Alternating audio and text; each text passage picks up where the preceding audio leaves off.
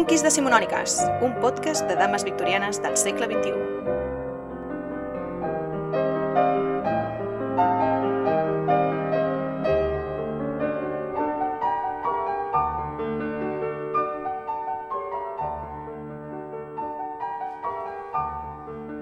Comença el capítol dedicat a Emma de Jane Austen.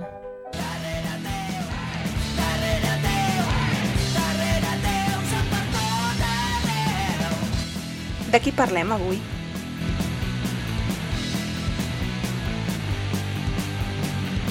Amigues, avui parlarem de la nostra reina, la persona gràcies a la qual som amigues i per la qual vam acabar fent un podcast, la culpable de tot plegat, the one and only Jane Austen.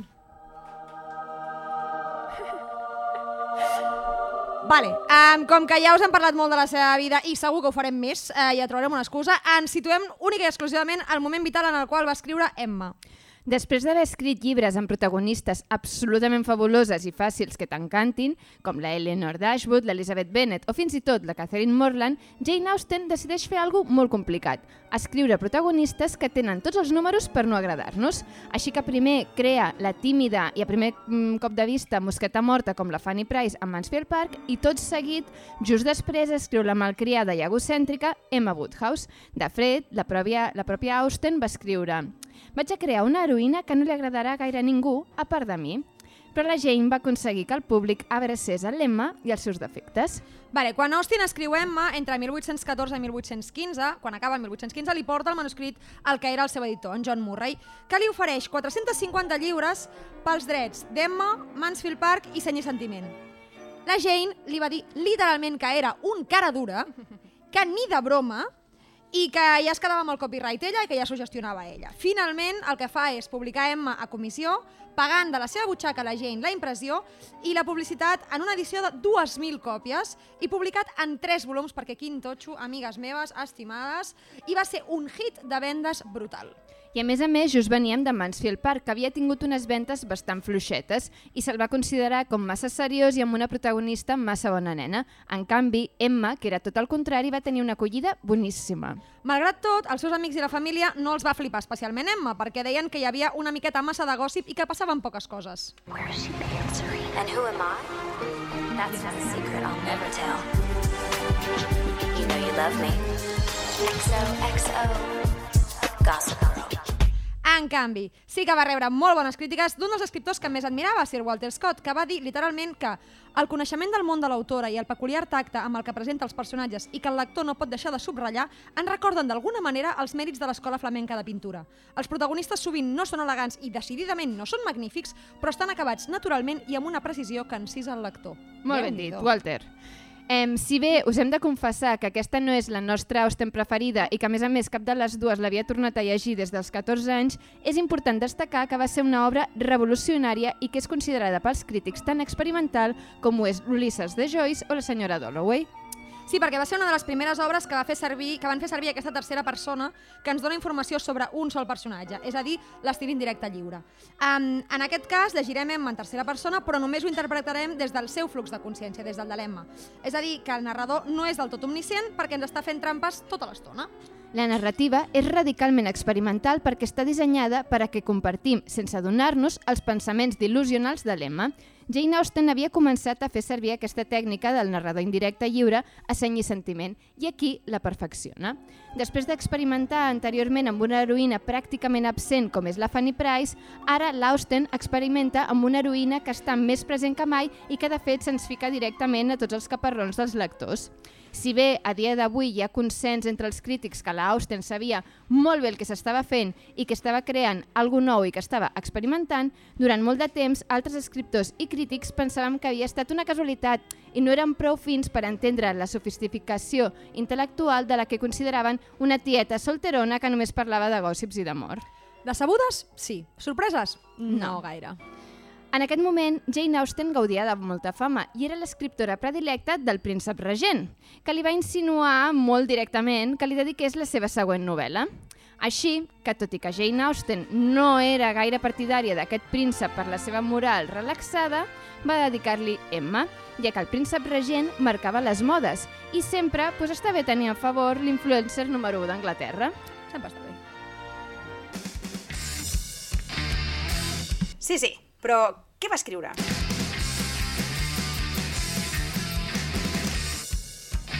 Vale, amigues, avui parlarem d'Emma. I la Carlota està molt contenta perquè comencem parlant de... Diners! Un cop més comença el llibre Austin Style parlant de diners a la primera pàgina. Recordem que estem a l'època preindustrial. Això configura una societat molt diferent a la que vam veure, per exemple, al capítol de Nord i Sud. Aquí la gent adquiria la riquesa a través dels interessos sobre les seves propietats, normalment el 5%. Les dones no tenien cap manera de guanyar-se guanyar la vida que no fos hora tant o ser mantingudes pel seu marit o per la seva família. Per primer cop, amb la Jane tenim una protagonista rica, o sigui, però rica, rica, o sigui, vull dir, ric del cagar, ¿vale? I ens ho diu ja la primera frase. Emma, handsome, clever and rich. I és important que digui handsome. És un adjectiu que només s'aplicava als homes. Gràcies a la seva independència econòmica no és considerada beauty o pretty, és considerada handsome. Ens trobem per primera vegada una protagonista sense dificultats econòmiques ja a l'inici del llibre i sobretot que té perspectives bones de futur. Anem a repassar una miqueta amb les protagonistes que teníem fins ara. Tenim les germanes d'Ashwood que comencen havent de marxar a casa seva perquè tots els seus diners els hereta el seu germanastre. Visca. Les germanes Bennett hauran de marxar de la casa quan mori el pare i no l'heredaran perquè són dones. Fantàstic. La Fanny està acollida a Mansfield Park perquè és pobra com una rata. Vaja. I de cop tenim la Emma, que no Eh. té problemes econòmics i a més a més és hereva. Mm. Els crítics feministes l'han identificat com l'arquetip de, de dona moderna, ja que les seves perspectives i felicitat futura no depenen del matrimoni. Després de saber que no ha tingut mai cap mal de cap econòmic ni cap angoixa, coneixem que si bé l'Emma va perdre aviat la seva mare, no va notar gaire la pèrdua d'afecte, ja que va tenir a la Mrs. Taylor, la institutriu que ha exercit poc com a institutriu i molt més com a amiga indulgent. Els veritables mals de la situació de l'Emma eren el fet de poder fer un xic massa el que volia i la predisposició a pensar un xic massa bé d'ella mateixa. Quan la senyoreta Taylor es casa amb el senyor Weston i se'n va a viure a Randalls, tot i que només està a mitja milla, l'Emma es queda sola a l'enorme mansió de Hartfield amb el seu pare, amb qui no podia sostenir-ni ni una conversa, fos racional o humorística. La seva germana gran ja es havia casat quan ella era molt joveneta. El seu pare no està gaire per la feina, pobre fill meu. Eh, així que ja fa molts anys que ella és la senyora de la mansió i està acostumada no només a que ningú li porti la contrària, sinó a que tots els adults confiïn més en el criteri de l'Emma que, en el, que en el seu propi, des que ella ja era una adolescent. El senyor Woodhouse, el pare de l'Emma, és un dels hipocondríacs més còmics de la història de la literatura. Sí. Però no és el primer cop que la, em, eh, que la Jane Austen ens presenta personatges hipocondríacs a les seves novel·les. Ja vam parlar de Sanditon i també la senyora Bennet d'Orgull i Prejudici, on té atacs d'hipocondria i de nervis i les seves filles l'havien de tractar amb especial consideració. I és exactament això el que li havia passat a ella i a la seva germana Cassandra, que havien de tractar entre cotonets a la seva mare hipocondríaca. I em sembla que ja n'està una miqueta fins als collons. Fa pinta. Aquí, el pare de l'Emma també té uns nervis delicats, o, co o com diu la Jane Austen més irònicament, l'estat anímic del senyor Woodhouse requeria suport. El senyor Woodhouse és un dels personatges que ens regalarà comentaris més absolutament meravellosos i divertits al llarg de la novel·la. És el, és el contrapunt còmic i és també una explicació al perquè del, del comportament pagat de si mateix que té l'Emma. Però com voleu que no estimem, amigues, a un senyor que és capaç de dir les festes, com més aviat s'acabin, millor. O sigui, això i la seva afició a preguntar per la salut de tothom i evitar els corrents d'aire són els teus, els teus tres característics principals. Evidentment, aquí també hem de pensar que segurament aquesta sobreprotecció que sent per la senyor, el senyor Woodhouse per les seves filles pot tenir a veure amb el fet que va perdre la seva dona quan era molt jove. Mm -hmm. L'Emma tampoc no pot comptar amb la companyia de la seva germana gran, la Isabella, ja que fa anys que està casada i viu a Londres. Cap de les seves coneixences a Highbury pot substituir la senyoreta Taylor, ara Weston, ja que els Woodhouse són la família més important i més admirada molt admirada, o sigui, massa, massa admirada. Una mica com a Gilmore Girls, on a Stars Hollow la Rory és la més guapa del poble i tothom li diu lo llesta i estupendíssima que és. I ell una cosa, això és culpa dels adults. Vale, però un moment, tot això on està passant específicament? L'importa- O sigui, l'important aquí, l'importància de l'espai aquí, mm, tinguem-la molt en compte. perquè no surten d'aquest poblet anomenat Highbury, situat a Surrey. En la resta de les novel·les viatgen i estan a grans capitals, com a Londres o a Bath. Fins i tot a Mansfield Park, on l'espai és tan important que literalment dona el nom a l'obra, hi ha viatges. En canvi, aquí tenim un poblet on passa tota l'acció. Els personatges nous que apareixen en realitat són d'allí i a més a més s'ha creat molt misteri al seu voltant, el Frank Churchill i la Jane Fairfax. No sortirem d'aquí i és una miqueta com a Cranford, mm -hmm. que tenim un seguit de senyoretes velles cookies i una mica pesadetes que han perdut els seus mitjans de subsistència i que han de sobreviure com poden. I aquí tindrà moltíssima importància com els protagonistes es relacionen i sobretot com tracten aquestes senyores. Una coseta que sí que veiem eh, que té de molt bon el senyor Woodhouse és que tot i que, tot i que estima de manera molt egoista, estima molt a la gent del seu voltant i no vol que els canvis els allunyin. Tam Tampoc no vol canvis, així en general. Però aquí, qui ha estat la culpable o instigadora d'aquest canvi, d'aquest matrimoni de la senyoreta Taylor, pobra senyoreta Taylor, amb el senyor Weston, ha estat la pròpia Emma, que té una gran afició, la de matchmaker. Si nosaltres a la literatura catalana tenim el plaer de, la plaer de ma vida, els anglesos tenen la Emma Woodhouse. Ah, això sí. Eh, això de matchmaker ho fa per la resta. Ella té intenció de no casar-se mai. Mai. Ja ho veurem. Presentem el nostre heroi. Ai. El senyor Knightley. Ai. I és que el, nou, li, el nom li escau tan bé i és que, a més a més, no està pas triat a l'atzar. És un cavaller de cap a peus, tot un senyor. L'Austen ens exposa com ha de ser un bon senyor. Té, té càrrec tota la seva comunitat, és superempàtic, es preocupa pels altres i es sacrifica perquè els demés tinguin millor qualitat de vida. Casa seva es diu Donwell, és a dir, ben feta. Està construïda sobre una antiga, veí, una antiga abadia, els fonaments de pedra. Ell mateix també sembla que actuï sempre bé, de manera correcta. El senyor Knightley és considerat un membre més de la família Woodhouse. El seu germà petit està casat amb la germana gran de la Emma, la Isabella. I és important que ell sigui el germà gran, perquè vol dir que serà l'hereu i, per tant, el senyor de la casa que viu literalment de rendes. El germà petit, el John Knightley, ha de treballar per guanyar-se la vida i ho fa de les poques professions que estaven ben vistes en, entre l'alta societat anglesa. Advocat. I per això els respectius germans viuen a Londres i només poden venir per les vacances de Nadal o per Pasqua. I en lloc d'instal·lar-se amb el seu germà, o almenys un any sí, un any no, el senyor Knightley és tan considerat amb el senyor Woodhouse que no suportaria que la Isabella s'instal·li a un altre lloc que no sigui casa seva, que sempre cedeix sense cap mena de queixa. I això que ell està sol a la casa gran, eh, ja que el senyor Knightley fa molts anys que és orfe. Això genera una situació bastant estranya perquè aquest senyor sembla que amb el matrimoni del seu germà hagi substituït la, la seva família eh, amb la de l'Emma. Essent més proper ell al senyor Woodhouse que no pas al seu, mati- al seu propi gendre. Eh, per això aquesta, la seva relació és molt i molt propera i no té, les forma, no té totes les formalitats de tracte que havíem vist fins ara en les novel·les de la, de la Jane. Vale, una cosa. Què li va passar en aquesta època de la seva vida a la Jane Austen amb les relacions de germans? No ho vull saber. O sigui, estem preocupades. Sí. Jane, tot bé? O sigui, perquè acaba d'escriure Mansfield Park, on tenim a la Fanny i a l'Edmund, que s'han criat literalment com a germans, Mhm. i ara Emma ens planteja dos herois també amb una relació quasi fraternal i ens dona una mica bastant de cringe, Bastant. perquè a més a més, a més, crin- a més, és que hi ha una gran diferència d'edat. Bueno. Ara en parlarem. Però bueno, un moment, un cop hem superat el nostre moment trigger warning, s'ha de dir que això ajuda a crear un ambient més igualitari i més íntim entre la Emma i el senyor Knightley perquè no hi ha tantes convencions socials. Això sí, no tenim aquell moment de uh, qui és aquest noi? Mm. Com amb el Darcy o el Willoughby, perquè forma part gairebé del mobiliari de la casa, el senyor Knightley. Tens un, tens un sofà i el senyor Nai. Bueno, en fi. Um, quan ens presenta la germana gran de la- de l'Emma, la, Isabela, ens la presenta igual que el seu pare. Una mica bleda, hipocondríaca, molt bonica, però no tan intel·ligent ni brillant com l'Emma. Ens ha de mostrar així una miqueta ridícula perquè si no, no tindria cap mena de sentit que no s'hagués fixat en ella um, sent més gran en lloc d'en l'Emma, que ha, de, que ha heretat totes les virtuts de la seva difunta mare. El senyor Knightley és la única persona que veu algun defecte en la Emma. Com més passen les pàgines, més t'adones que pobra nena, o si és que encara podria haver sortit pitjor. Vull dir, és que tots els adults es passen tota l'estona alabant les virtuts de l'Emma com si fos superior a la resta de veïns i a més a més superiors a si mateixos. I el senyor Knightley intenta compensar-ho, però és que clar, no pot lluitar contra tothom. L'Emma està dotada de bellesa, intel·ligència i gràcia, però li manca la constància de que se li dona bé tot, però res en concret de manera excepcional. Tot allò que proven les arts ho fa bé, però ho acaba deixant tot a mitges perquè es cansa. I malgrat la seva bellesa més que evident, no és en aquest aspecte en el que, en el que és més creguda, diguem-ne. Pel senyor Knightley, el, el seu gran defecte és pensar que sempre té raó i que és superior a la resta. La supèrbia, eh? Sí. Que duríssima. Crec que la Jane Austen ens vol criticar què passa quan s'educa algú sense cap crítica, com si no fes res mal malament sense cap mena d'autoavaluació.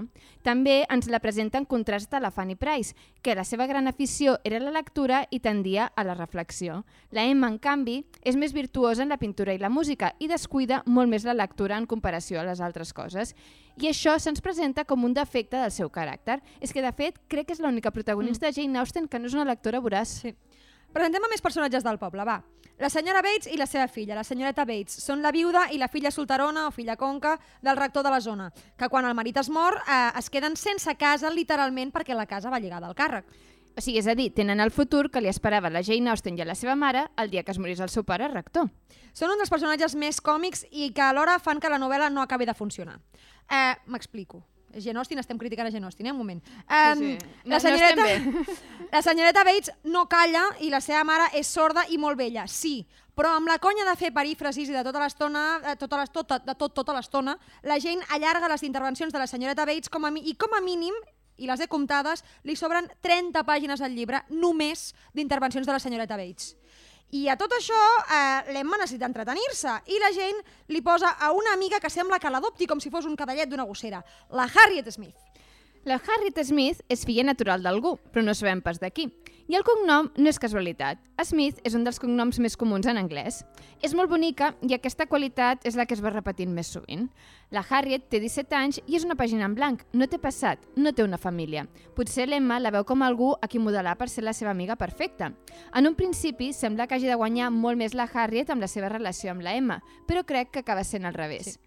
Per començar, la Emma està absolutament mancada de companyia. Està atrapada en aquesta gran mansió amb el seu pare que no la deixa viatjar ni a Londres a la seva germana per la seva hipocondria. Viu en una societat petita i tancada, on no hi ha pràcticament equivalents socials i encara menys joves. L'única persona que se n'adona que aquesta relació no és bona ni avantatjosa per la Harriet serà, qui no, el senyor Knightley. La Harriet li parla molt a l'Emma dels Martin, però, però qui, qui són els Martin? Qui és el senyor Martin? El Martin és un, és un llogater de Mr. Knightley i és el germà gran d'unes amigues de la Harriet amb qui ha passat temporades i que l'estimen molt. L'Emma sospita que el senyor Martin està interessat en la seva amiga i no vol de cap manera que es casi amb ell, perquè li sembla poca cosa. I aquí, la Emma, o sigui, és que es torna de l'olo total. O sigui, pensa que segur que la Harriet és la filla d'un gentleman. Claro. I que segur que el Martin és molt inferior a ella. L'Emma li compara les maneres poc gentils dels, del, del Martin amb el Knightley, que a part de ser molt més ric i d'un extracte social molt superior a la Harriet, és literalment el terratinent a qui li paga el lloguer al senyor Martin. O sigui, fora de lloc, Emma, fora de lloc. Vale, ha arribat el moment de presentar-vos a el senyor Elton, un gilipolles estructural, un imbècil de categoria, un niñato amb ínfoles i un capellà. Que representa tot allò que no està bé a l'església anglicana en aquell moment i que li servia per criticar aquells ministres fake, superficials, vanitosos, poc vocacionals, en, en definitiva. Recordem que el seu pare era un ministre anglicà i que tenia idees molt avançades i progressistes per la seva època, perquè creia en coses superrevolucionàries com l'educació per les dones. Sembla que la Jane Austen, amb aquest personatge, vol criticar la hipocresia de certs membres de l'església anglicana. L'Emma ja hem vist que té vocació de casamentera, així que té una idea brillant. Vinga. Que el senyor Elton es casi amb la Harriet. Sí. Així la Harriet tindrà una bona posició social prou elevada i podran seguir visitant-se i sent amiguetes. Vale, això és molt dur perquè posa la seva amiga en un compromís absolutament absurd. Per una banda, ens està generant unes expectatives per la Harriet que no toquen, i per l'altra banda, perquè la deixa en una posició terrible. És a dir, si et cases amb qui tu vols, no podrem ser més amigues. I això és profundament classista i molt bully. Com que el narrador és en tercera persona, però des del punt de vista de la Emma, ens pensem que l'Elton segurament té interès amb la Harriet, sobretot amb totes les lluances que fa del retrat que li està fent la Emma. I arriba el moment que l'Emma tant temia. La proposició del senyor Martins a la Harriet. Aquí, la influència de la Emma li passa una mala jugada a la Harriet. Per començar, filleta meva, és una decisió que has de prendre tu soleta. A persuasió, veiem que comença també amb algú que amb la millor intenció dona un consell fent que no accepti una proposta perquè no és prou per a ella. No sabem prou de la vida privada de la Jane Austen, perquè va cremar les cartes amb la Cassandra, que tractaven dels temes amorosos, i no sabem fins a quin punt està basat en la pròpia experiència. Però està clar que la Jane Austen està en contra d'aquests consellers ben in- intencionats com dient... Calleu nobles consellers, guardeu-vos la raó que us quedi. És que l'Emma acaba escrivint la puta carta de rebuig, amigues. És que és una mica fort el tema.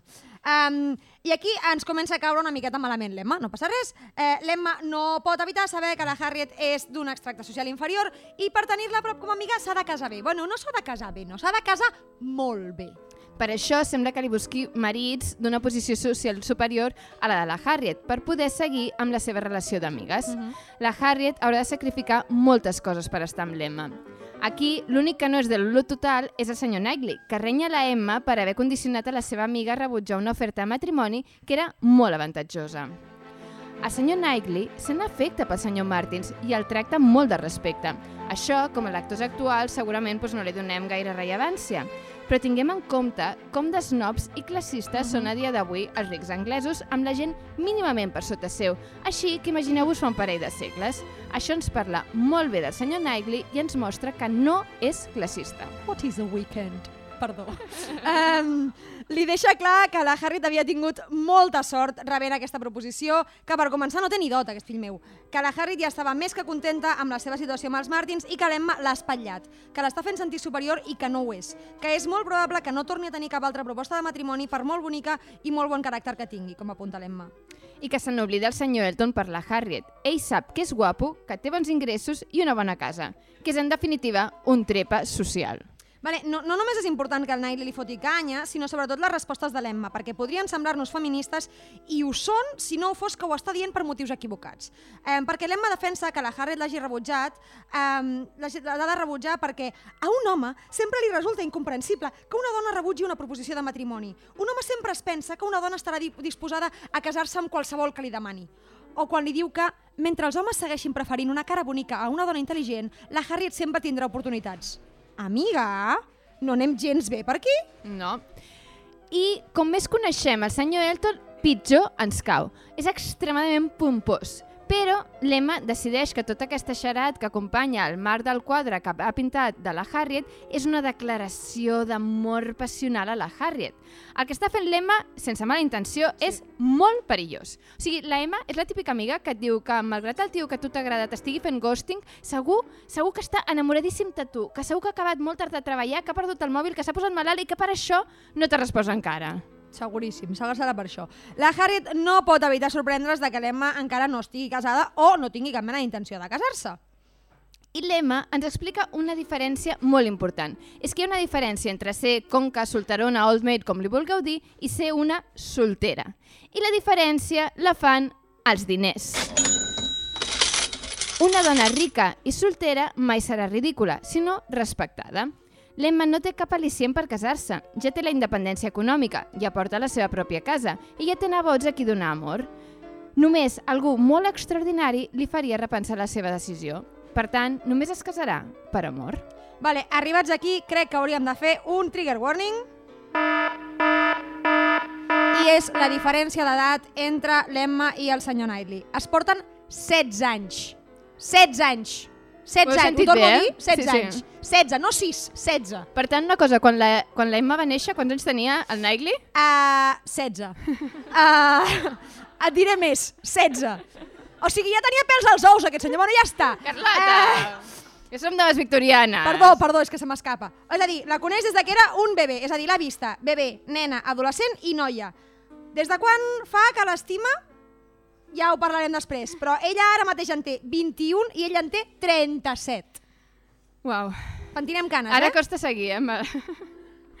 bueno, una seguim perquè hem de seguir, però una cosa divertida és que ens pensem que tot és nou, però tot ho ha explicat abans, i millor la Jane Austen. Sí. O sigui, per exemple, quan ens presenta el germà del senyor Knightley, el John, ens el presenta com una persona introvertida que no li agrada anar a festes, sinó que li agrada quedar-se a casa tranquil. És el típic que faria aquell test de com carregues les piles, estan amb gent o estan sol?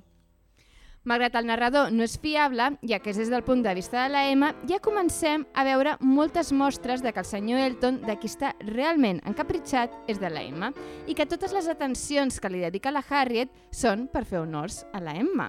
I en John Knightley li comenta, més aviat l'avisa, diu, vés al tanto, reina, perquè amb aquesta, amb aquesta actitud igual l'estàs alentant.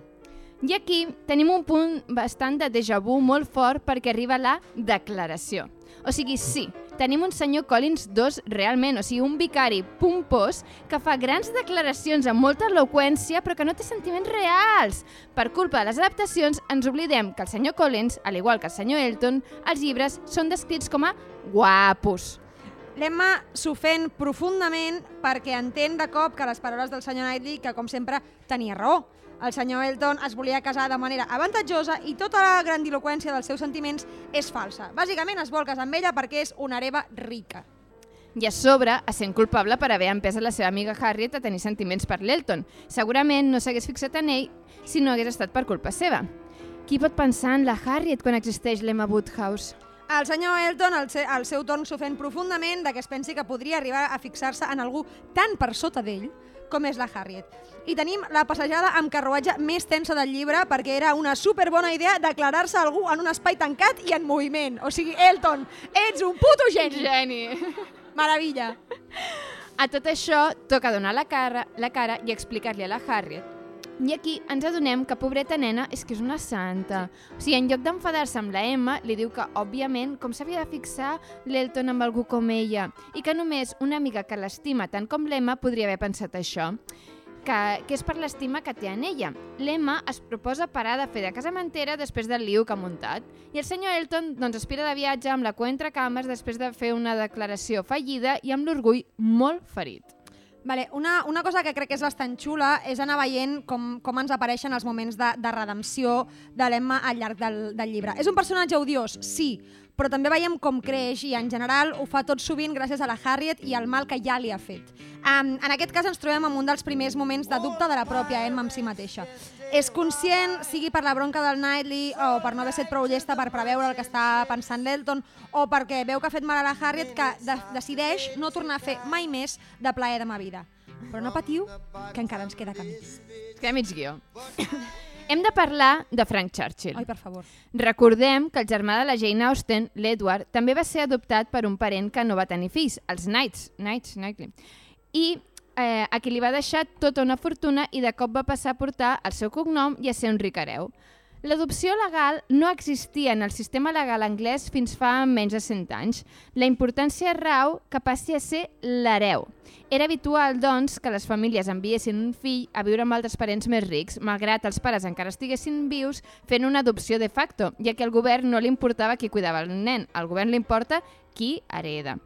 Un tema important que passa amb aquest nen durant tot aquest temps que viu és que què passa quan el, el padrí benefactor encara està viu? Doncs que pot canviar en qualsevol moment el testament i legalment el nen no té cap dret a reclamar res, ja que no l'ha adoptat legalment. Per tant, això lligava a aquests nois a estar a la mercè del seu padrí o padrina benefactor i no els deixava cap marge de moviment. Molts dels coneixements que té la Jane Austen d'aquesta alta societat que representava l'1% de la societat anglesa són gràcies a tot el temps que, a tot el que va poder observar estant amb el seu germà ric per poder escriure personatges com el Darcy, l'Emma, el Knightley o el Frank Churchill. Però l'Edward Austen no va tenir res a veure amb el Churchill en quant al tracte amb la seva família. No es va desentendre mai d'ells. Va ajudar els seus germans i va oferir una cottage a la Jane, a la Cassandra i a la seva mare quan es van quedar sense res arrel de la mort del seu pare. Gràcies a això podien viure sense pagar lloguer i a més a més tenien un espai on poder cultivar el seu menjar. Això els suposava una millora econòmica brutal i també va portar la tranquil·litat que la gent necessitava per poder escriure. Guardeu-vos el cablo d'espai per poder cultivar el seu menjar, ¿vale? L'Emma porta tota la vida creant-se una imatge sobre aquest senyor Churchill. En la seva imaginació desenfrenada, malgrat que sempre ha dit que no tenia intenció de casar-se, si ho fes, ho faria amb aquest jove extraordinari. Però el Frank no ve a visitar el seu pare ni pel casament, ni, els, ni cap de les vegades que promès que vindria. I així el misteri només fa que fer-se gran. Però per què no ve a veure el seu pare i a conèixer la seva madrastra? A veure, també és normal que la Emma desenvolupi aquest amor platònic. No coneix gairebé homes joves. No. Creiem que el senyor Knightley sospita que pot tenir una idea romàntica platònica d'ell i és l'únic que no excusa que no hagi vingut a veure'ls encara complint el seu deure. Per Knightley és molt important el tema del deure. Uh -huh. La resta li retreuen al senyor Knightley que el Churchill no és lliure com ho és ell, com us hem explicat abans, però els assenyala que en aquest temps el Churchill sí que ha viatjat a altres llocs. Un altre cop, el senyor Knightley és l'únic que veu la realitat, però per un cop també veiem que potser la gelosia l'està empenyent a tenir uns prejudicis una mica desproporcionats. Vale, però en una mena de joc de miralls, eh, en quant a la Jane Fairfax, és al revés. l'Emma eh, li té una mica de tírria, miqueta, mentre que el senyor Knightley en té molt bona opinió. Com sempre, amb la Jane Austen tenim dos nois, el Darcy i el Wickham, Willowy i el Brandon, Edmund i Henry Crawford. I ara tenim Mr. Knightley i el Frank Churchill. Però qui, qui serà el fuckboy dels dos? No es pot saber, eh? No es pot saber gens. He de dir, ho sento, però per una vegada hem de criticar l'estimada Jane i és que s'obren moltes pàgines. Sí. O sigui, és que ja ho hem dit abans, però és que Sí. sí. entenc el que vols fer, però és que de tan, tan bé que ho fas, de tan pesadeta que vols fer la Bates, a mi se'm fa molt pesada. O sigui, fora, ja n'hi ha prou. Um, el problema és que va pitjor. O sigui, no, no, anem, no anem millorant. Vale? La senyoreta Bates és un personatge pesat i es passa el dia agraint als seus veïns que li porten coses, que li portin coses i que l'ajudin. Ella i sa mare no poden pagar el lloguer d'una casa amb una mica de terreny on plantar res eh, i de fet viuen en una mena de piset que comparteixen amb altra gent perquè són així de modernes. I per això encara han de gastar més diners dels seus propis ingressos, dels seus pocs ingressos, en comprar menjar. Uh -huh. Per això tenim tantes escenes de la Emma portant cistelles de verdura o veiem que el senyor Knightley li dona totes les seves pomes. Uh -huh. Tot i que el seu pastís preferit és el de poma, però és que per a les Bates no va de pastissos preferits, o sigui, és que vol dir sobreviure. Vale, aquesta dona té una neboda de qui reben cartes constantment i que és l'antagonista de l'Emma, és a dir, la Jane Fairfax. I és un antagonista que, sincerament, no ens és gens fàcils d'odiar, com sí que ho havia estat la Caroline Bingley o la Lucia Steele. Sí. En realitat, a Emma és com si tinguéssim una novel·la des del punt de vista de la Caroline Bingley, m'explico? Sí. La Jane Fairfax és tot allò que la Emma podria ser si hagués tingut constància i sentit de la responsabilitat, si fos més, més virtuosa i menys malcriada. L'antagonista aquí és la típica protagonista dels altres llibres anteriors de la Austen. No té mitjans, mitjans econòmics i surt endavant gràcies al seu seny, a la seva constància, a la, al cultiu de les seves virtuts, al seu enteniment i al seu bon caràcter, que acaba casant-se per amor amb algú més ric. O sigui, és que realment podria ser la Eleanor Dashwood o l'Elizabeth Bennet. La Jane Fairfax és orfa des de molt petita, tenia un futur molt magre, recordem que l'income de la senyora Bates és molt, molt, molt reduït. Per sort, un dels millors amics del seu pare, el senyor Campbell i la seva família, l'acullen a casa seva i li donen l'única cosa que li poden donar, una gran educació. Una educació que serà la seva única eina per sobreviure. Podrà ser institutriu i així guanyar-se la vida d'una manera honrada, i era l'única que podien fer les dones.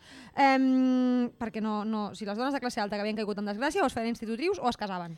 Perquè, per exemple, no podia estudiar dret i ser advocada, com feia el John Knightley, pel tema aquell que les dones tenien prohibit anar a la universitat fins fa molt poc. O sigui, recordem que fins als 70 a molts col·legis d'Anglaterra no acceptaven dones. Per tant, la Jane Fairfax, al igual que el Frank, està a la mercè d'altres amb qui conviu i no ha pogut visitar gaire sovint la seva família a Highbury. Però quan arriba, és a dir, quan en aquest moment ja té 21 anys i hauria de començar a exercir com a institutriu, però els Campbell l'estimen tant que no volen que mentre, que mentre ells visquin hagi de treballar. Però quan la filla dels Campbell, que té la seva mateixa edat i és la seva íntima amiga, es casa amb el senyor Dixon, ella sent que és el moment de començar a treballar. I pobreta Emma, en lloc de venir de visitar Highbury eh, al Frank, ve la Jane Fairfax. Oh. I a més és que resulta que és molt vella, elegant i educada. Hauria de parlar, hauríem de parlar algun dia el costum que té la Jane Austen d'anomenar els personatges més vells i encantadors Jane. O sigui, és que ja tenim la Jane Bennett, a la Jane Fairfax... Eh, Jane Austen, amiga, eh, poc subtil, passant, poc sigui. subtil, poc subtil, realment poc subtil. L'Emma s'adona que està sent molt injusta tenint-li tirre a la Jane Fairfax, que hauria de, ser, de sentir empatia i pena per ella, pel futur que l'espera. Però no pot evitar que li molesti que sigui tan, tan, tan discreta i reservada. No li vol explicar res de la seva vida anterior, ni dels Campbell, ni dels Dixon, ni satisfà la seva curiositat per saber com és el Frank Churchill, ja que l'ha conegut durant unes vacances. De fet, quan s'adona que per moltes preguntes que li facin no en traurà res, recorda per què li té tantíssima mania. La Jane Fairfax és virtuosa en tot allò que fa, però sobretot ho és en la música. Hem de tenir en compte la importància d'interpretar música en aquella època. Penseu que no hi havia ràdios, ni similars, ni Spotify, ni molt menys. No. Que molta gent que vivia una mica retirada i que no podia anar ni a concerts ni a l'òpera, l'única ocasió que tenia d'escoltar música, que no fos religiosa a l'església, era a través d'aquestes jovenetes virtuoses que tocaven el piano o l'arpa. A casa de les Bates no hi ha cap instrument que pugui tocar la Jane. En canvi, l'Emma té tots els instruments que vulgui i no practica amb constància. El que més li molesta a la Emma és que la Jane la posa en evidència de la seva inconstància i la seva frivolitat simplement amb la seva presència. No patiu, que torna un altre habitant a Highbury. Serà pel, pel deleite de l'Emma en Frank Churchill? No. Ah. Torna el senyor Elton i s'ha casat! Així que a l'Emma li toca tenir una altra vegada una conversa desagradable amb la Harriet per culpa seva, per haver-s'hi ficat. Li ha de comunicar el casament. I no s'ha casat amb qualsevol, s'ha casat amb la Augusta Hawking, ara Augusta Elton. I al tanto amb l'Augusta, perquè la Jane fa al·lusions a que els diners, perquè és rica, que els diners li venen d'unes illes on l'esclavitud encara estava permesa. La Jane Austen sempre és molt subtil, i ho vam veure a Mansfield Park. Aquells personatges que tenen certa relació amb l'esclavatge solen ser malvats. I bueno, és que no ens pot caure pitjor la senyora Elton. Una altra cosa que ens fa sospitar que la Jane té planejat que sigui un personatge pelós és que ha viscut molt de temps a Bath. I li encanta. Li encanta Bath. També s'ha de dir que, malgrat que l'Emma sigui una pija rematada i sigui conscient del classisme en el que viu, prefereix la companyia de la Harriet, que és pobra, que no pas de la jove senyora Elton, que li és molt més propera a l'escala social. Vale, però és que la senyora Elton és insuportable, xabacana, cutre, pren confiances innecessàries amb tothom. O sigui, és el clar exemple d'una nova rica. I a més a més, malament. Eh, I alerta, que l'Emma no l'odia perquè sigui una nova rica, sinó que sovint el que la posa més nerviosa és que tingui els mateixos defectes que ella. Ai. Vaja! Però bueno, quan comencem a tornar a estimar la Emma, hi ha una escena super cruel. Oh, quan obliga a la Harriet a fer una visita supercurta i molt mal educada als Martins. És extremadament injust, ja que ells l'havien tingut a casa tot pagat durant sis setmanes, quan la Harriet és la filla borda de vés a saber qui, cosa que en l'època estava super mal vista, i tot perquè la Emma és una classista que no vol que la seva amiga es relacioni amb el Martins perquè són grangers. Vale! Moment! Que per fi arriba el senyor Churchill! Eh, ha tornat el fill pròdig, per favor, i és guapo, i excepcional, i elegant, i enginyós, i de tracte més que agradable. Vaja, que les maneres del Churchill són especialment corteses amb l'Emma. Bàsicament, El tonteo està anant a més. Ens aguantem les mirades. I aquí és que està la grandesa de la boníssima narradora, que és la fucking Jane Austen. O sigui, com ha estat una narradora subjectiva i no confiable. O sigui, sembla que el Churchill hagi vingut perquè estava com previst tota l'estona que vingués per presentar els respectes a la seva madrastra. Sí. Però quan acabem el llibre veiem que tot encaixa com un puzzle. O sigui, no havia vingut abans perquè no li havia donat la puta gana. Totalment. I mirant en perspectiva, veiem que portem tot el llibre esperant-lo i que ha vingut just després de que hagi vingut la Jane Fairfax. O sigui, és que no passen ni dos capítols. molt, molt, molt descarat. és, és, molt és descarat. boníssima. vale, es, ens fa molta ràbia com es fa el tonto amb l'Emma i el senyor Woodhouse que, quan diu que té una coneixença al poble, una tal Jane Fairfax, i com insinua que tampoc no n'hi ha per tant amb aquesta noia, que sembla que estigui malalta de tan pàl·lida com està, i com riu de la tieta, que era tan xapes, que no deixava ni marxar, i que, clar, per culpa d'això s'ha hagut de quedar molta estona amb elles. A l'Emma ja li agrada que per fi algú no trobi perfecta la divina Jane Fairfax i li vol trobar algun defecte o culpa. Li molesta el seu silenci respecte a la seva vida privada i insinua al Churchill que potser era ella l'objecte de la mort del senyor Dixon i que es casa amb la seva amiga, la Campbell, per diners. Ell al principi intenta contradir-la, fins que veu que, mira, saps què? Pues ja m'anirà bé. Ho convertirà en una broma, una, una broma recurrent de complicitat entre ell i l'Emma i com a manera de desviar l'atenció sobre els possibles efectes de la Fairfax. Vale, en Frank fa veure que està super interessat en tot el poble. Uh, han visitat a tothom i que si no ha vingut abans era perquè no podia, clar, pobret. Per tant, el senyor Knightley estava profundament equivocat, clarament equivocat. Clarament equivocat. Així pot visitar de manera gens sospitosa a la Jane Fairfax, ja que les senyores Bates formen part de la societat de Highbury. Quan la Emma li pregunta per la seva coneixença amb el poble amb d'estiueig amb la Jane Fairfax, el Frank és que no li respon. Canvia de tema i a sobre es posa de cop super Lydia Bennett a insistir que s'ha de fer un ball. Oh, Un ball, un ball. Un ball és el lloc perfecte per tenir intimitat amb una noia, contacte físic i poder-li fer cas a la Jane sense que es noti especialment. vale, però les seves excentricitats no es queden amb la idea del ball. Un bon dia, el senyor Churchill se'n va a tallar-se els cabells a Londres. O sigui, és que a més de ser una extravagància fer tants quilòmetres per fer-se un pentinat de moda, suposava malgastar un dels pocs dies que tenia per fi per dedicar a la seva família. I us preguntareu, perquè sé que us ho esteu preguntant, quin talls de cabell de moda es feien en aquest moment? Sí, Pues les busqui...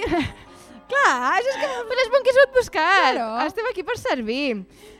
A veure, aquí hi havia un tema. Estem just deixant enrere les perruques per un tema relacionat amb que es va fer un impost sobre les perruques per subvencionar les guerres napoleòniques. Tot són pas, tot és pasta sempre. I els pentinats de moda eren el Cèsar, el Titus i el Brutus. No m'ho estic inventant. En sèrio, eh? En sèrio, estem parlant d'això, eh? Molt bé. El Brutus era el preferit dels Brummel, eh, del Brummel i dels seus seguidors. I tal com ens ha presentat el dandy del Churchill, jo aposto perquè es va fer un Brutus. Sí. Mira, eh, que perquè us l'imagineu és el que portava el Colin Firth a l'adaptació d'Orgull i Prejudici. S'ha agradat, eh? I un clar exemple del tall de cabell Cèsar és el que porta en Napoleó. Mal. Mal. Mal. Això sí, a, abans de marxar ja s'ha encarregat de dir-li a la senyora Weston, antiga senyora de Taylor, oh, Pobra senyora Mrs. de Taylor. que admira molt a l'Emma. Però clar, a veure, Blanca, explica'm què ha anat a fer aquest senyor a Londres? Doncs ha anat a comprar un piano forte per la Jane Fairfax, ja que a casa de la senyora Bates no pot tocar. I quan arriba, aquest piano ho fa sense cap nota. Ningú sap qui l'ha enviat. Però és que el tio és que més ha estat tan puto descarat que després ho veus en retrospectiva i és que just ha anat a comprar el piano després d'haver estat parlant amb la Emma que la Jane toca i de dir-li que el senyor Dixon preferiria que toqués la Jane a la seva esposa perquè toca molt bé. Mare de Déu, senyor. Bueno, tothom suposa que ha estat el senyor Campbell qui l'ha enviat per sorpresa, no el senyor Dixon, per sort per tothom. I aquí eh, el senyor Churchill eh, és el que torna a fer de les seves i tinc moltes, moltes ganes d'escanyar-lo. Perquè comença a generar aquest, aquesta mena de marro. És, és, és que és terrible, o sigui, és terrible. A sobre, durant la festa, quan l'Emma el pilla mirant a la Jane, amb, amb ojitos, eh, diu que és perquè s'ha fet un pentinat horrible. O sigui, quina excusa de merda, col·lega, de veritat. Se't veu el plomero, xato. Un tema que crida l'atenció per l'actor d'avui en dia és el carruatge del senyor Knightley. L'altre tema que sé que us estàveu aquí, no? què passa el carruatge... Bàsicament, el senyor Knightley és català i no li agrada malgastar. En totes les novel·les de Jane Austen hi ha algú català? Sí. El tema és que en aquell moment, si eres de cert estatus social com el senyor Knightley, no només era important ser-ho, sinó també semblar-ho, com la dona del Cèsar. Uh -huh. La gent es gastava un dineral en mantenir les aparences, en roba, en remodelar les seves cases super sovint i en carruatges. A senyor sentiment, en l'infame capítol de la Fanny intentant persuadir el seu marit perquè no els hi deixi diners a les germanes d'Ashwood, li diu que, clar, com que no tindrien ca carruatge, gairebé que no gastaran.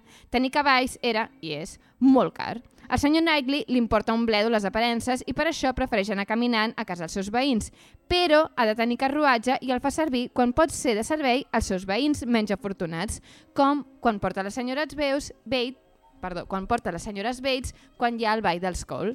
El senyor Knightley es riu que el faci ser més cavaller en anar en carruatge, ja que si no el troben a la porta doncs ningú se n'adona de com ha arribat als llocs. A la Emma sí que li dona importància a aquestes coses aparents. Vale, una cosa, eh, bastant xungo l'orreina que es creu i se sap l'Emma respecte a la resta de la comunitat, sobretot amb els Cole, eh, que s'han enriquit recentment i que sap que l'han d'adorar i amb qui es planteja no alternar perquè faria poc per ella fins que a ella li convé. Això, per mi em sembla que la Jane Austen aprofita tot aquest monòleg interior per, de la protagonista per criticar aquest esnovisme de la classe alta anglesa presentant-nos aquest monòleg tan i tan soberbi. Gràcies. En aquesta festa a la que acaben anant perquè hi van els seus amiguis, eh, Ah, i mira. el Churchill, i el Churchill, la senyora Weston li planteja a l'Emma la possibilitat, possibilitat remota, que el senyor Knightley estigui una mica encapritxat de la senyoreta Fairfax. L'Emma s'escandalitza. Bueno, El senyor Knightley no es casarà mai. Vale, Que la casa ha d'anar a parar pel seu nebot Henry. vale, vale. I aquí ens xoca veure com en el cap de la Emma ell i el Knightley són dues persones que no es casaran. Pel bé dels seus nebots, per una banda, i una mica que la Emma és en verge, encara no ha tingut doncs, aquest despertar sexual i no està imaginant que, és, que són ells dos éssers carnals, o si no, si m'estic explicant. 21 anys, eh? D'acord. Um, en Frank Churchill, per això, és un cabró que, per distreure l'atenció de qui li agrada a la Jane, que sí, que de qui li agrada, és a dir, la Jane, li fa cas tota l'estona a l'Emma. I això fa mal a tots els implicats. Per una banda, tenim a la Jane que ha de suportar com fa galanteries a una noia bonica i més rica i més bon partit d'ell eh? que ella. I per altra banda tenim l'Emma que pot entendre que l'està festejant. Tots els comentaris feridors que fa de, sobre la Jane sobren moltíssim, no fan cap mena de falta, i hagués aconseguit exactament el mateix sense ser tan cruel. I llegit en retrospectiva, però veiem que no para de buscar moments per estar a soles amb la Jane Fairfax. El món ideal de la Emma comença a enfonsar-se. La Jane Fairfax l'ha obligat a mirar-se a un mirall i el reflex no li agrada. Malgrat el món de cotonets on ha viscut, s'està donant que la Jane és molt millor que ella en molts aspectes. Ah, però una cosa, això no la priva de pensar que el senyor Churchill està enamorat d'ella, eh? Vull dir, Sí, que, lo, cor sabia, eh? que lo cortés no te quita lo valiente, escolti'm. Després de pensar-s'ho una mica, ella decideix que amb ella en realitat ja no li agrada, que no el vol Ja per ella, que definitivament ella no es casarà mai. Però mira, saps què? Aprofitant que ja el teníem, parla Harriet! Vinga! A tot això, el senyor Churchill ja us hem dit que estava amb Mercè, la seva tieta, que quan es posa malalta doncs el crida amb ell i el requereix al seu costat. Mm, Us recordem que depèn la seva fortuna d'aquesta senyora. Abans de marxar, veiem que té una conversa bastant estranya amb la Emma, on ella dedueix això, que està enamorat d'ella per lo egocèntrica eh, que és. Però en realitat jo crec, no sé què en penses tu, que li volia dir aclarir la seva relació amb la Jane Fairfax. Insinuar-ho si més no. Sí. Sí. I veiem que la senyora Fairfax cada cop menja menys i té un aspecte molt malaltís, extra, extremadament pendent de les cartes, de les notícies que poden portar i fins i tot va a correus sota la pluja. Por eso esperaba Sabent què està passant realment amb el Frank, que el seu futur està en suspens, que potser haurà d'anar a treballar a institutriu i que no es podrà casar amb l'home que estima, o sigui, és que, pobra noia, l'ansietat que deu estar passant, pobra nena. Vale, a tot això, la senyoreta Elton, que no Ai, n'oblideu, no us n'oblideu, cada vegada està més insuportable. I sobretot, o sigui, no, no podem, no podem suportar-ho. Uh, aquesta mena de confiança absurda que agafa amb el senyor Knightley, o sigui, de què va dient-li Knightley? Knightley! O sigui, i és que ja és cutre, ja és molt cutre, que li digui Mr. E al senyor Elton. És el teu marit! O li dius pel nom, E. o li dius senyor Elton, deixa de fer el ridícul. I, a la, I Jane, a la senyoreta Fairfax, de què anem? O sigui, què és, aquest, què és aquesta manca de codi? Però, o sigui, Knightley, el senyor Knightley? No, eh? No. Per aquí no, eh? Vull dir, tenim límits. Realment, o sigui, és que són tal per a qual pel seu marit, o sigui, són absolutament insuportables. La senyora Elton, com que no es pot fer best friend de la Emma, busca en la senyoreta Fairfax, la seva Harriet, i vol buscar-li la vida, marit i tot. I la pobra Fairfax torna a ser un exemple de bon caràcter i templança perquè dona unes ganes d'enviar-la a la merda que, Uh! bueno... La senyora Elton podem considerar que és el tercer personatge més còmic, però mentre que el senyor Woodhouse hipocondríac i la pesadeta senyoreta Bates estan tractats amb tendresa i carinyo, la senyora Elton ho fa amb sàtira. Per què? Doncs perquè es diferencia dels altres en una cosa essencial. No té bon cor. Vale, però el senyor Churchill torna i per fi es pot fer el ball del senyor Weston, que ho havia d'organitzar el senyor Weston, que li importava una merda el ball, eh? però vinga, som-hi. El senyor Elton, eh, això sí, farà un numeret super desagradable i super cutre, refusant de ballar amb la Harriet, que se sentirà fatal i profundament petita. Sort que un cop més tenim el senyor Knightley fent de cavaller per rescatar-la. La treu a ballar, quan ell odia ballar. La Emma està contenta. Li diu de ballar junts i que més no seria inadequat que ballessin junts, ja que són com germà i germana. Uau! Per favor, bueno. Um, moltes emocions, amb a tot això, moltes emocions en poques hores per la pobra Harriet, perquè gairebé l'atraquen uns gitanos, hola, um, o sigui, ens hi hem fixat que parla de gitanos dues vegades al llarg del llibre. Eh, bueno, total, que una mica com que s'ho fa ella, però tot això la rescata el senyor Churchill. És tot molt estrany i molt ràpid, eh? La Jane Austen està creant aquí un xup-xup de novel·la d'enredos Shakespeare style que aviat ens petarà la cara, perquè la Harriet li confessa a la Emma que torna a estar enamorada i que està enamorada del seu salvador, tot i que socialment està molt per sobre d'ella i que no li dirà el nom. Però qui és el salvador de la Harriet? Ah, Petri Misteri, Petri Emoció. La Harriet té una caixeta de records dels seus enamorats que ens demostra que és que és una nena adolescent i que aquests enamoraments són més deguts a l'edat que no pas a un sentiment fonamentat.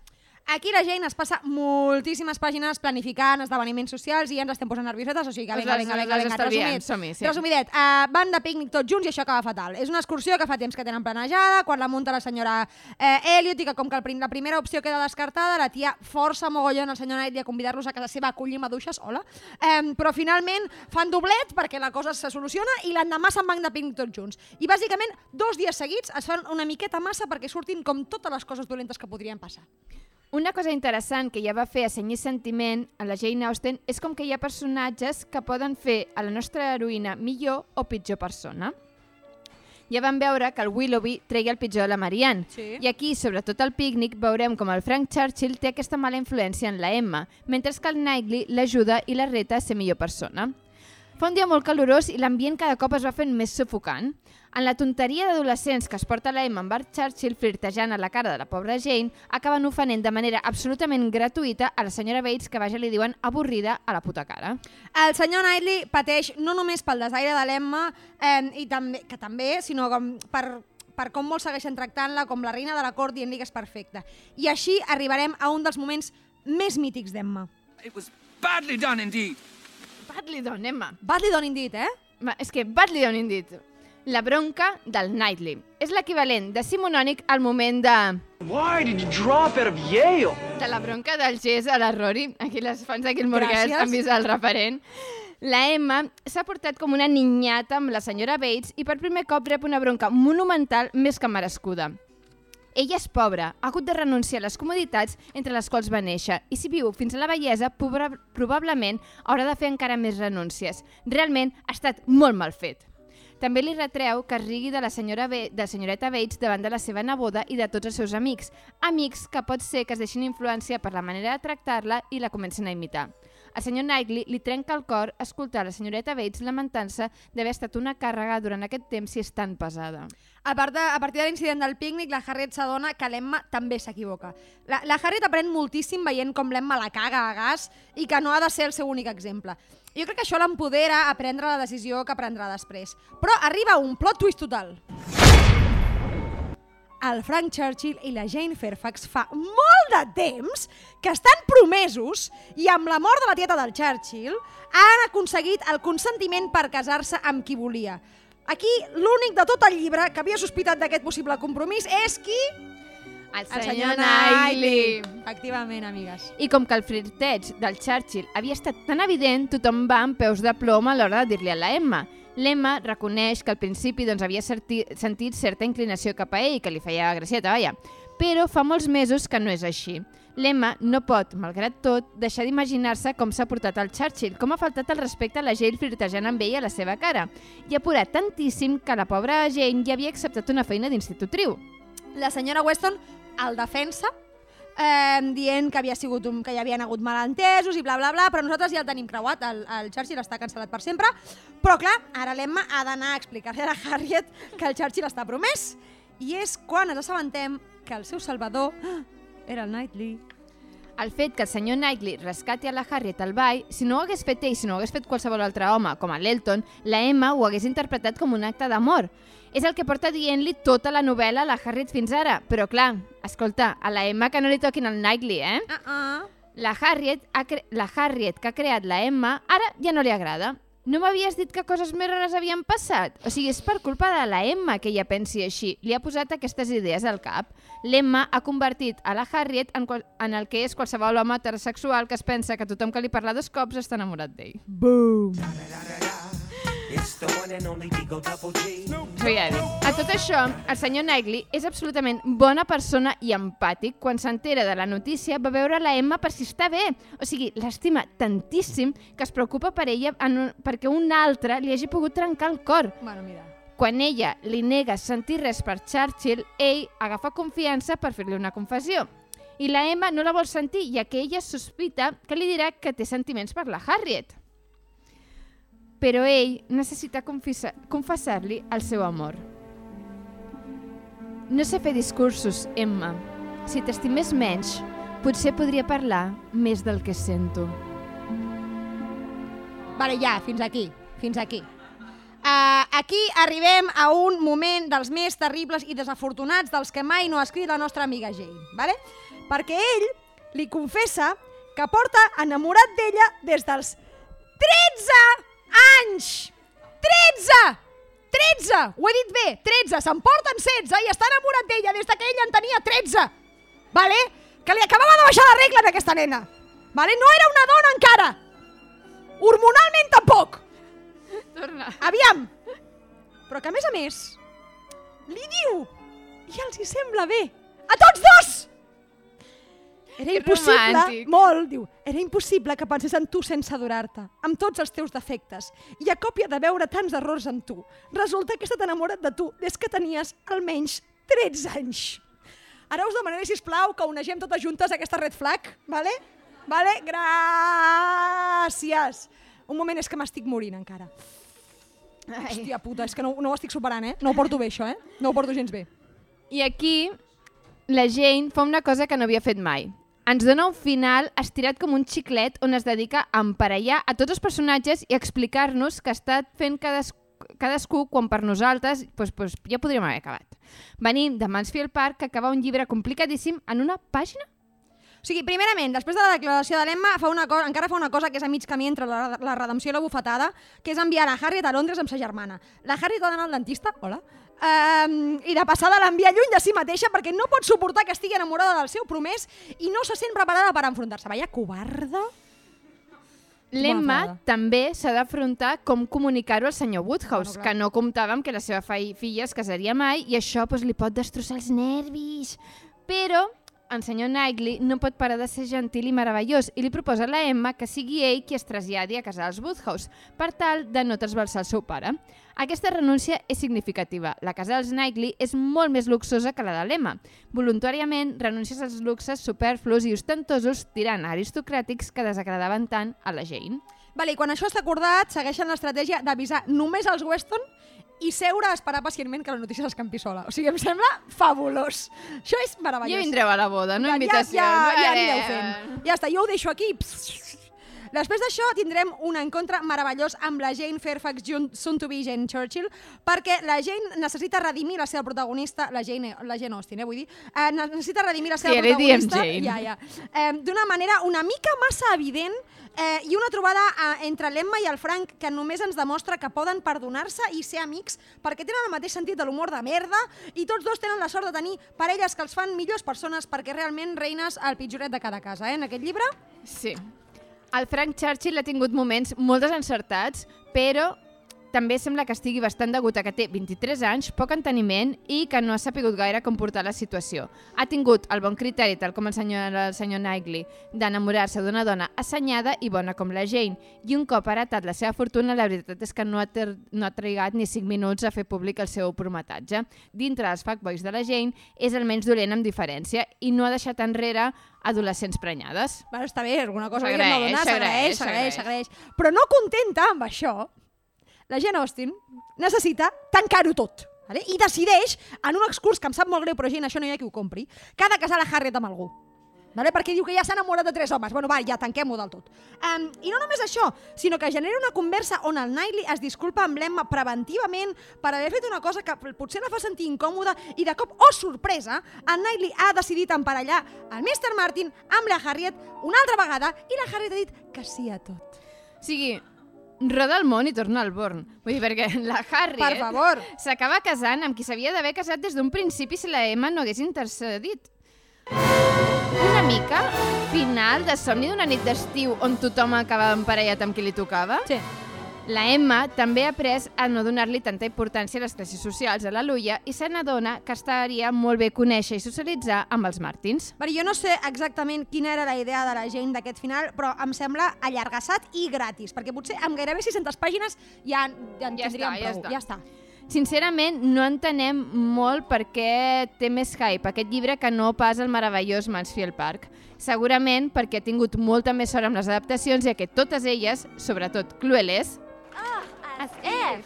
són absolutament meravelloses. Per tancar, la Harriet i la Emma han fet un, viatge, un gran viatge en aquesta novel·la i és considerada una, una de les novel·les pilars del Bindungs Romans, és a dir, de les novel·les de creixement.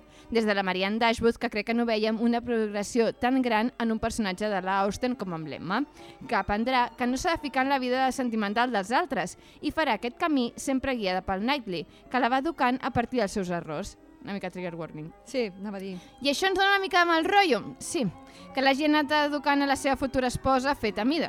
Pederasta. Eh, Això ho cancel·lem.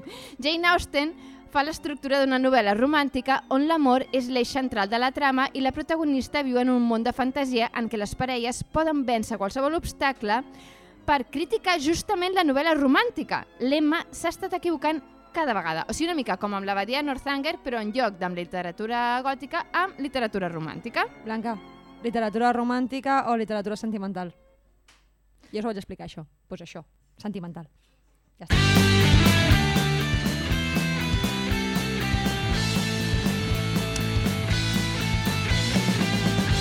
Què hem après avui? Vale, va, què hem après avui? Us ho resumim en 5 puntets. Punt número 1. Que la Jane Austen és capaç de fer les protagonistes en principi més poc agradoses que ens acabin robant el coret. Punt número 2. Que la Jane Austen experimenta a Emma l'estil indirecte lliure i juga amb nosaltres com li dóna la gana. Punt número 3. Que la Jane Austen creu en la importància de l'educació del caràcter des de la infància, que en un nen malcriat acaba sent vanitós i és per culpa dels adults. Punt número 4. Que si una dona té independència econòmica, el matrimoni només té sentit si és per amor. Punt número 5. Que la Emma és un personatge odiós i que, oh sorpresa, ens encanta perquè és versemblant. O no, nens? Doncs això... Això ja està. Sembla que això ja està. Quina il·lusió, quina alegria. S'ha acabat. Bueno, va, que cantarem tota la cançó. Us esperem el dia 13 de desembre, aquí, al joc. I ho farem per parlar de Vera, d'Elisabet Bonarni. Dress Code. Parlant d'una novel·la tan feminista només podíem anar de Lila. El teniu allà, per si el voleu. I un altre, i el llibre de la Carlota també. Vale! també hi és, també hi és, s'ha de dir. Vale, per cert, per cert, no voldríem acabar eh, sense donar les gràcies a tota la gent que ha fet possible que avui passés això. Primer de tot, gràcies al joc per, fer, per acollir-nos. Al Carles Garcia, Gran Carles, per fer magiar els botonets i tenir una paciència infinita amb nosaltres. A la Laia Salvador per posar les veuetes als separadors. A les filles europees per cedir-nos Júlia Aguilar per la cinta inicial. I a les Buc per cedir-nos les seves cançons pels separadors i aquesta cinta final que ara sona. I per la resta, gràcies, Gràcies per per venir! escoltar-nos.